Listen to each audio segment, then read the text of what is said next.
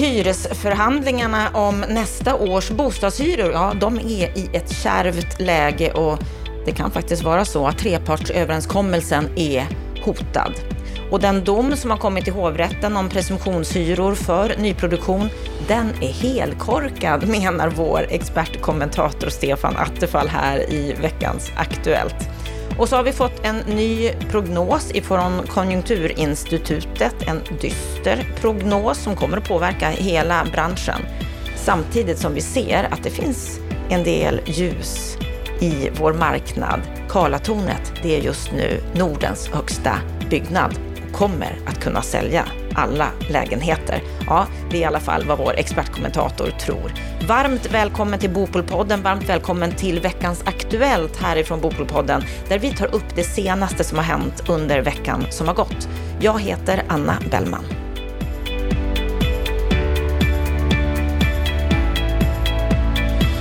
Vi börjar veckans Aktuellt med hyresförhandlingarna om 2023 års bostadshyror. De förhandlingarna har startat och för första gången så tillämpas den här trepartsöverenskommelsen som undertecknades av fastighetsägarna Sveriges allmännytta och Hyresgästföreningen i våras. Och nu har fastighetsägarna i Stockholm kommit med ett skarpt yrkande, 9,5 procents höjning från årsskiftet. Och de skriver att om man bara hade tagit hänsyn till årets kostnadshöjningar så skulle yrkandet ligga på 25 procent. Men eftersom man med den här nya modellen ska ta hänsyn till de tre föregående åren så landar man på 9,5 procent. Och nu har Hyresgästföreningen kommit med ett svar på det här och menar att eh, en hyreshöjning på 9,5 procent, det är mycket oansvarigt. Och Susanne Sjöblom, som är ordförande för Hyresgästföreningen i Region Stockholm, hon menar att yrka på en sån här stor höjning i ett läge som råder just nu, det är inget annat än oansvarigt. Det skulle innebära en ekonomisk dödsstöt för många utav våra medlemmar i regionen. Fastighetsägarna behöver fråga sig vem som ska bo i hyresrätter framöver, vem som har råd att bo i hyresrätter framöver. Mm. Hyresgästföreningen, de har ju också på nationell nivå varit kritisk till en sån här stor höjning. Stefan Attefall, vad, vad, vad säger du om en sån här pass stor hyreshöjning? Skulle det spä på våra ekonomiska klyftor ännu mer i landet? Först ska man säga att 9,5 procent, om det skulle bli verklighet, så är det ju mycket högre än vad vi har haft. Vi har haft alltså hyreshöjningar på 1-2 procent under flera års tid. Så att det är ju ett trendskifte. Men eh, det är å andra sidan ett trendskifte för alla just nu. Med stigande elpriser, stigande räntor. Så att eh, villaägarna och bostadsrättsägarna kommer också få kraftiga höjningar på olika sätt. Eh, var landar det någonstans? Ja, det vet vi inte. Troligtvis under 9,5 procent. Eh, det brukar bli så i förhandlingar. Men vi är uppe på den här storheten. Jag vet andra företag som har räknat bara kalkylerat här till och med för några månader sedan. Vad är kostnadsökningen? Alltså räntorna stiger, elpriserna stiger etc. etc. Ja, det ligger där någonstans. Så du menar att det är en rimlig höjning? Alltså det är ett rimligt krav utifrån kostnadsbilden. Är det rimligt att det ska genomföras på en gång? Det kan man diskutera, det är det som förhandlingarna ska gå ut på. Men eh, jag skulle säga så här, det kommer att vara kärva tider för alla. Och det kommer också drabba hyresgästerna. Sen gäller det att hitta modeller för att fasa in sånt här och så. Så jag gissar ju att man hittar lösningar där man kanske fasar in sådana här höjningar lite längre tid kanske, eh, etc. Men alla får räkna med högre kostnader. Det, kom, det kommer aldrig komma undan. Det måste vara en realitet som både Hyresgästföreningens medlemmar men sen måste ju också fastighetsägarna inse att det är också besvärligt när det blir allt för kraftiga och snabba förändringar. Det Hyresgästföreningen bland annat pekar på det är ju uppgifter som Statistiska centralbyrån lägger fram som visar att kvinnor över 65 år som bor i hyresrätt, de lägger närmare 40 procent av sin inkomst på boendet. För ensamstående med barn så är siffran 34 procent. Vad skulle det här innebära för den här gruppen av människor? Nej, det är därför både parterna måste hitta ansvarsfulla lösningar, men här måste också politiken fundera på hur man eh, utvecklar fördelningspolitiken. Jag menar, eh, vi har inte rört bostadsbidraget i Sverige på många år och gjort någon större förändring av, exempelvis. Så att det är många komponenter, men eh, det är en kärvare tider och det är väl det som alla måste inse och så måste alla hjälpas åt att hitta så smidiga lösningar som helst. Vad som händer om vi inte ligger någorlunda fas med kostnadsutvecklingen, det är ju att attraktiviteten att investera och äga hyresrätter blir mindre. Ja, vad blir effekten av det? Jo, vi bygger mindre hyresrätter och det andra är att vi ombildar till bostadsrätter. Så att det gäller också att hålla hyresrättens attraktivitet jämfört med andra boendeformer.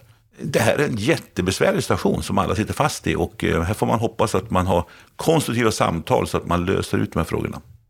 Ja, konstruktiva samtal och då är ju frågan om den här trepartsöverenskommelsen kommer att klara av det och om den kommer att hålla.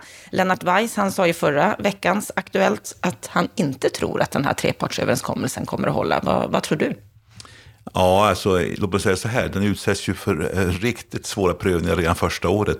Eh, det är ju en modell för hur man ska förhandla, hur man ska utgå från ett antal parametrar och sen hur man ska sköta förhandlingar. Jag skulle inte säga att den, den är dödsdömd bara för att det här inträffar, men det, här, det är kanske snarare så här. Håller den efter detta, då har den verkligen en chans att fungera. Men det är klart att det kommer att vara jättemycket tolkningar. Jag skulle säga så här, det är bra om modellen när det gäller förhandlingsordning håller. Sen kommer man självklart att måste diskutera hur man ska tolka de här parametrarna och hur man ska fasa in höjningar. Eh, jätteknepig fråga, men jag är inte lika pessimistisk som Lennart Weiss eh, och Kent Persson som skrivit ledare om det här. Men eh, jag inser svårigheterna. Det kan vara så att det är eh, en enda gång den gällde. Men det, det kan också vara så att den klarar sig just genom att man tvingas hantera en svår situation. Rickard Ljunggren på Fastighetsägarna, han menar att det är väldigt viktigt vad den här överenskomna modellen faktiskt ger för resultat när alla faktorer har vägts samman. Han menar att för att komma fram till en lägre höjning av hyrorna, som motparten alltså framhåller, då måste man vikta om på ett helt annat sätt. Och när det gäller det så råder det ju helt uppenbart helt olika uppfattningar om hur modellen faktiskt ska användas. Ja, det stämmer. Men eh, sagt var, enstaka år kan man ju alltid hantera. Problemet är ju snarare ur fastighetsägarsynpunkt. Vad innebär det här på längre sikt? Jag menar, kanske det tar längre tid att få kostnadstäckning. Det kan man ju leva med. Eh, det kan vara jobbigt för en enskild fastighetsägare, kanske en liten fastighetsägare. Men för de stora så är det hanterbart. Men långsiktigt, halkar man efter och det blir sämre och sämre ekonomi att driva hyresrätter, då kommer det leda till ombildningar, mindre nyproduktion, försäljningar, allt det som exempelvis Hyresgästföreningen är emot.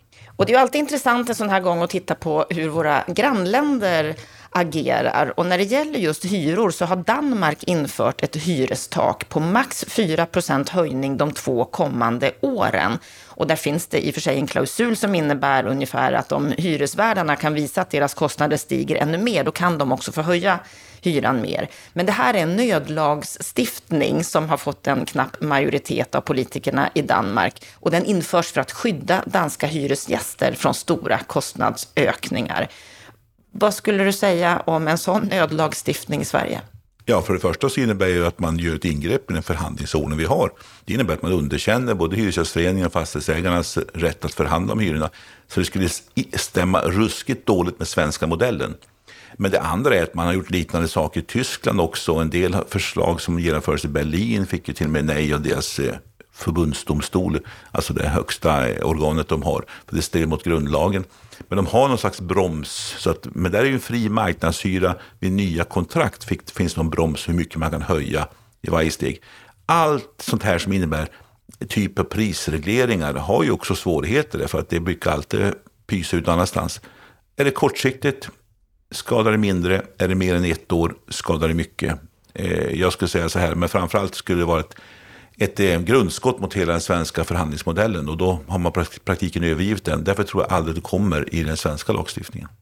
Men om vi tittar då på, på Danmark, vad innebär det för investeringsviljan och viljan att bygga nytt i Danmark att de har infört det här? Eh, alltså ett år spelar kanske ingen större roll. Problemet är väl att det skickar en signal till alla investerare att här kan politiken hoppa in även nästa gång så fort det blir lite obekvämt eller populistiska skäl. Och det skapar ju dåliga förutsättningar att förutse den danska hyresmarknaden.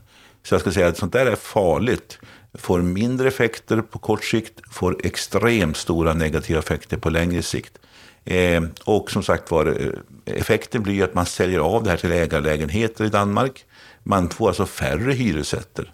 Så att allt det här handlar ju om att vill vi behålla hyresrätter som en attraktiv del i en fungerande bostadsmarknad, då måste också sådana här saker fungera och bygga på förutsägbara spelregler. Därför att alla som investerar också i hyresrätt, de gör ju långsiktigt. De gör inte det över en natt och för ett år bara.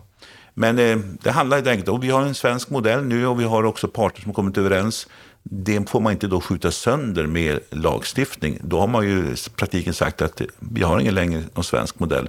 Därför tror jag ju inte att det här kommer till Sverige. Men det här exemplet visar på hur stökigt det är just nu på, i många länder. Och det är oroligt och det är enskilda människor som kommer i kläm därför att eh, priser stiger. Vi ska gå vidare men hålla oss i samma arena. Då gäller det nyproduktion av hyresrätter och hyror på nyproduktion. Och i veckan så, så kunde vi läsa om den kritiserade hovrättsdomen som alltså sätter ett slags hyrestak på nyproducerade hyresrätter. Enligt den här domen så får presumtionshyror i nyproduktion bara höjas med hälften av den lokala allmänna utvecklingen av hyrorna. Och Bonavas Annie Karlefred Bonnier Fastigheters Thomas Hermansson och Rochers Lisa Hübinette, de skrev på Svenska Dagbladet i veckan att det är enligt vår mening problematiskt att hovrätten på detta sätt introducerar egna modeller, tar fram färdiga procentsatser och sätter ramarna för hur stor höjning av hyran som ska anses skälig när det är en förhandling mellan två självständiga parter, hyresvärden och Hyresgästföreningen. Vi ställer oss också frågande till hovrättens resonemang kring att dessa regler ska underlätta underlätta för samordning av de två hyressystemen efter 15 år. Återigen är det en fråga för parterna och inte hovrätten. Mm. Den här domen den beskrivs som ytterligare ett stort hot mot nyproduktion av hyresrätter. Vad, vad tror du kommer att hända här? Ja, alltså, eh, jag skulle säga att det här är ingen problematisk dom. Det här är en helt korkad dom. Alltså, eh, vi har en domstol som gör kan man säga, ett, ett resonemang som är logiskt i ena delen, det vill säga de tittar på vad presumtionshyreslagstiftningen säger om nyproducerade hyror som har sådana här presumtionshyror.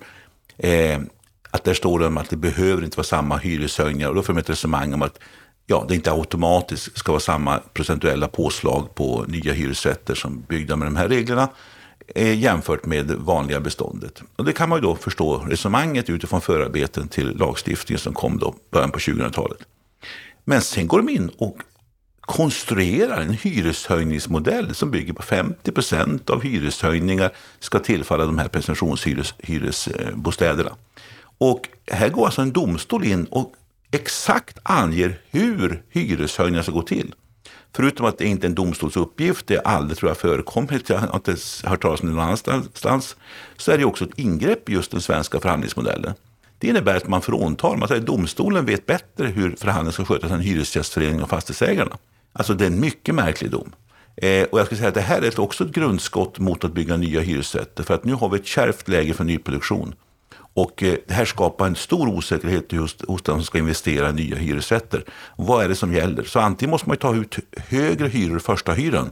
För man vet att man får sämre utveckling längre fram. Då driver upp ny, hyran på nya lägenheterna. Eller så kommer man att avstå från att eh, investera i hyresrätter.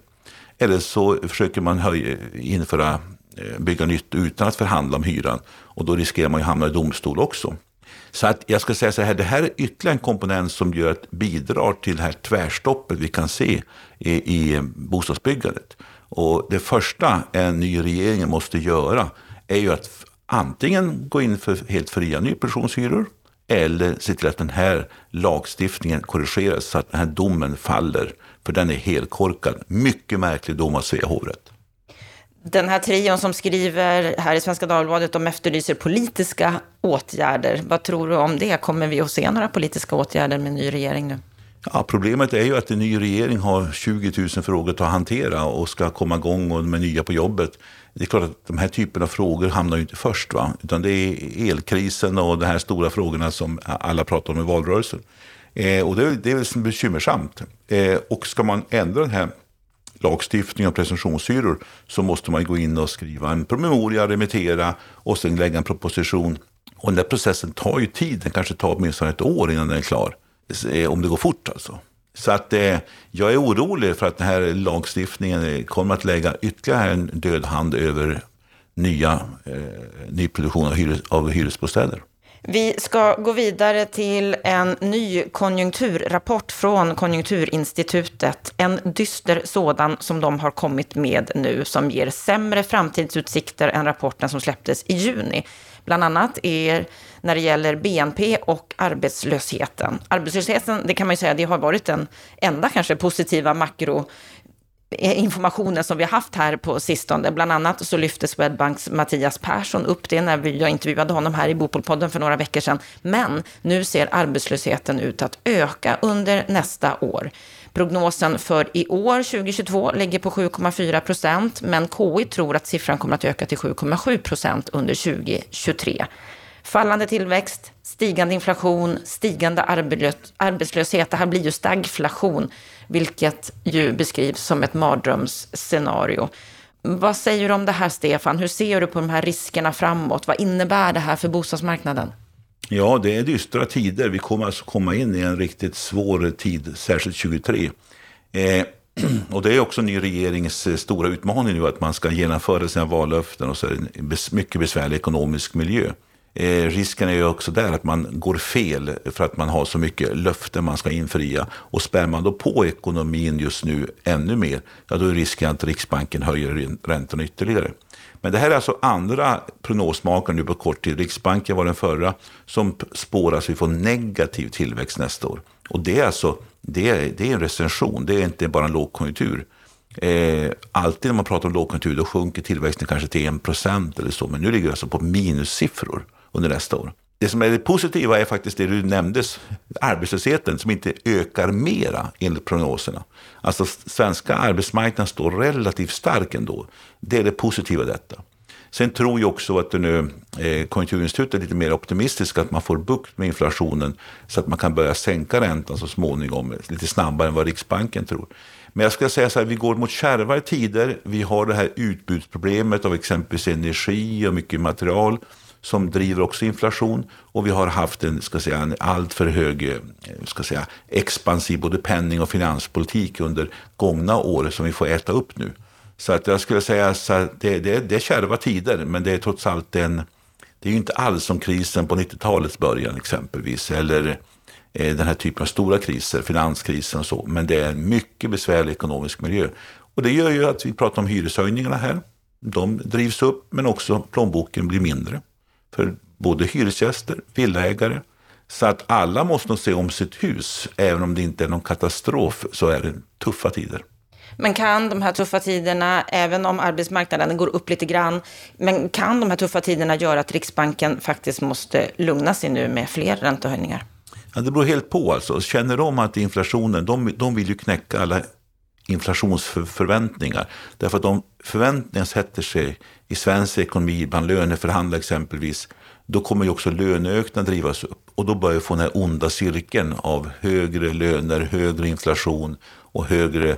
Då måste så Riksbanken agera tuffare.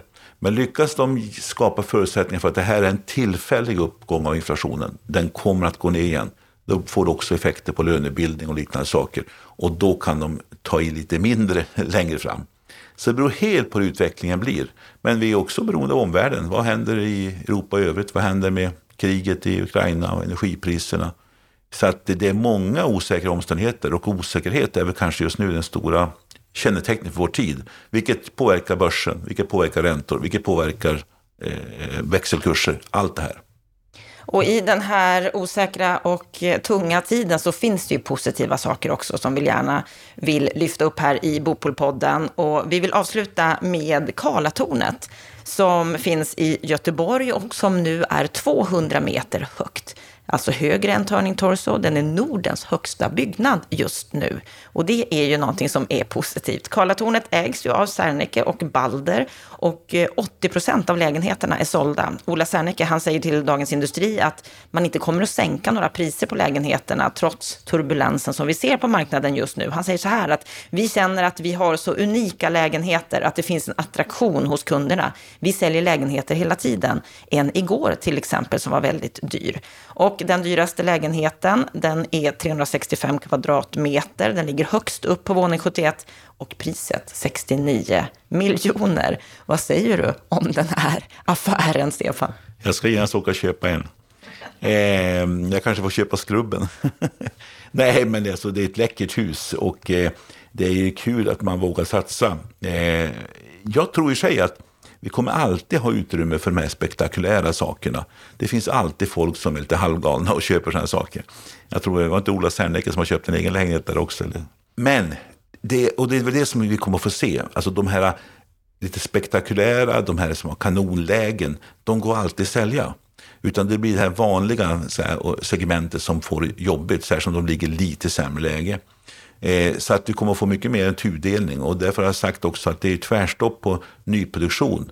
Eh, utom just de här attraktiva lägena, projekten som eh, på något sätt Elno kan sälja. Medan den stora massan av eh, lägenheter för exempelvis småhus för vanligt folk, de får svårare. Så att jag tror att Karlatornet kommer att lyckas med sitt projekt. Sen kan det vara säkert vara trögt för dem. Men de kommer att lyckas eh, därför att det är så spektakulärt och eh, extraordinärt. Så du tror inte att de kommer behöva sänka priserna för de 20 procent lägenheter som finns kvar? Jag tror att de eh, försöker att hålla uppe prisbilden för det handlar också om att inte sänka eh, förtroendet hos de som redan har köpt. Jag tror hellre att de står med någon, någon tom lägenhet än att de sänker priset för snabbt. Så jag tror att det här projektet det kan nog lyckas. Har de sålt så mycket som 80 procent då kan de nog få runt det hela. Men eh, jag tror inte man drar igång några sådana nya projekt just nu i alla fall. Inga nya spektakulära projekt, men det spektakulära projekt som finns, ja, det fortsätter. Härligt att se Karlatornets uppgång, kan vi ju säga, för att vitsa till det lite grann. På måndag, då är vi på Bopolpodden tillbaka igen. Då ska vi prata om byggfusket som vi har nämnt vid några tillfällen. Och Pia Bergman, som tidigare har jobbat på Skatteverket, hon menar att sekretesslagen hindrar en lösning av byggfusket. Det finns ju ingen effektivitet i detta och det är klart att myndigheten måste hålla sig till lagen. Allt annat vore ju absurt. Eh, men lagen måste ju förändras så vi kan faktiskt göra de uppdrag som både samhället i stort, alltså du och jag och alla andra och politiken vill att vi ska göra. Och det går inte med gällande lagstiftning. Och det utnyttjas naturligtvis av kriminella. Om upptäcktsrisken är låg och myndigheternas kraft är låg så undrar jag vem vill bli den sista skattebetalaren och stolt sträcka på sig och säga jag är den enda som står kvar och följer lagar och förordningar. Alltså jag tror inte den personen finns. Där hörde du Pia Bergman och vill du höra hela samtalet med henne, ja då släpps det på måndag. Nu är det helg för oss och för dig hoppas vi. Gå gärna in på bostadspolitik.se och förkovra dig mer. Anteckna dig gärna för nyhetsbrevet som kommer varje fredag med det senaste som har hänt inom bostads och fastighetsmarknaden. Ha nu en riktigt skön helg.